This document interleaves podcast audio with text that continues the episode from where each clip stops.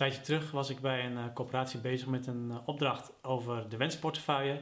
En ik sprak daarover met uh, de beleidsmedewerker al daar. En op een gegeven moment hadden we het over steenfluisteraars. Dat is een mooi begrip en in deze podcast wil ik je daar meer over vertellen.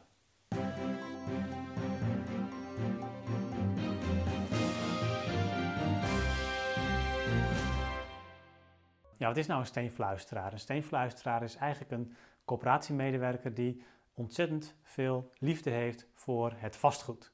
En um, hij zal je over het vastgoed van alles en nog wat kunnen vertellen.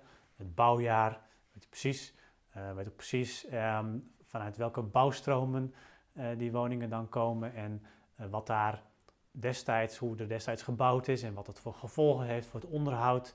Wat het misschien ook wel voor vervelende gevolgen heeft, waar je nog last van hebt dagelijks, omdat er toen zo en zo gebouwd is. Uh, hij zal je alles kunnen vertellen over uh, energiebesparende maatregelen, maar ook over waarom een energieindex niet altijd iets zegt over hoe goed een woning feitelijk is en hoeveel energie er daadwerkelijk verbruikt wordt. En um, hij zal je ook heel goed kunnen vertellen wat bijvoorbeeld de beste aannemers zijn in de regio, met welke aannemers je juist wel of juist niet, um, ja, welke aannemers je eigenlijk wel en niet je vastgoed kunt toevertrouwen, om het zo te zeggen.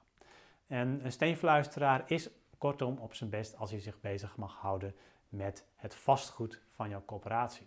Dat is natuurlijk heel mooi en, uh, en uh, dus het is ook goed dat er steenfluisteraars zijn. Alleen er is ook wel een andere kant van de medaille. Want ja, bewoners, dat is iets waar de steenfluisteraar minder mee heeft. Dat uh, is natuurlijk mooi als mensen met veel plezier in het vastgoed wonen. alleen ja, wat, de, wat zijn de eisen van, bewoners over tien jaar bijvoorbeeld? Ja, dat is voor de steefluisteraar echt een ver van zijn bedshow.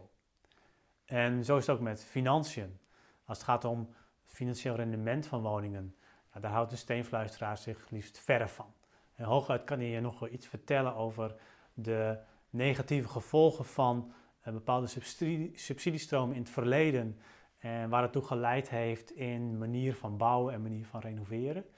Uh, waar je ook nu weer uh, last van hebt of waar je nog profijt van hebt uh, in, in je vastgoed. Maar dat is dan ook het enige waar die steenfluisteraar zich op financieel vlak nog, nog op wil, of wil begeven. Ver, verder is dat ook weer, um, net als de bewoners, eigenlijk echt een ver van zijn bedshow. En ja, dat, is, dat is eigenlijk wat de steenfluisteraar is. En eigenlijk is dan nu de vraag, ja, ben jij ook een steenfluisteraar? Of heb jij onder je collega's ook veel steenfluisteraars? Want Nogmaals, het is goed dat steenfluisteraars er zijn.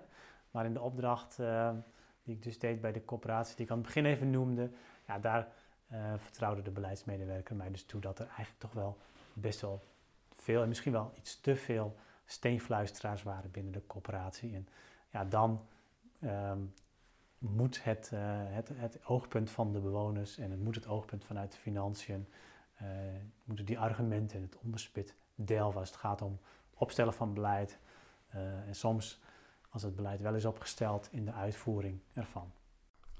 Bedankt voor het luisteren naar deze podcast. Wil je nieuwe afleveringen ontvangen? Abonneer je dan op deze podcast.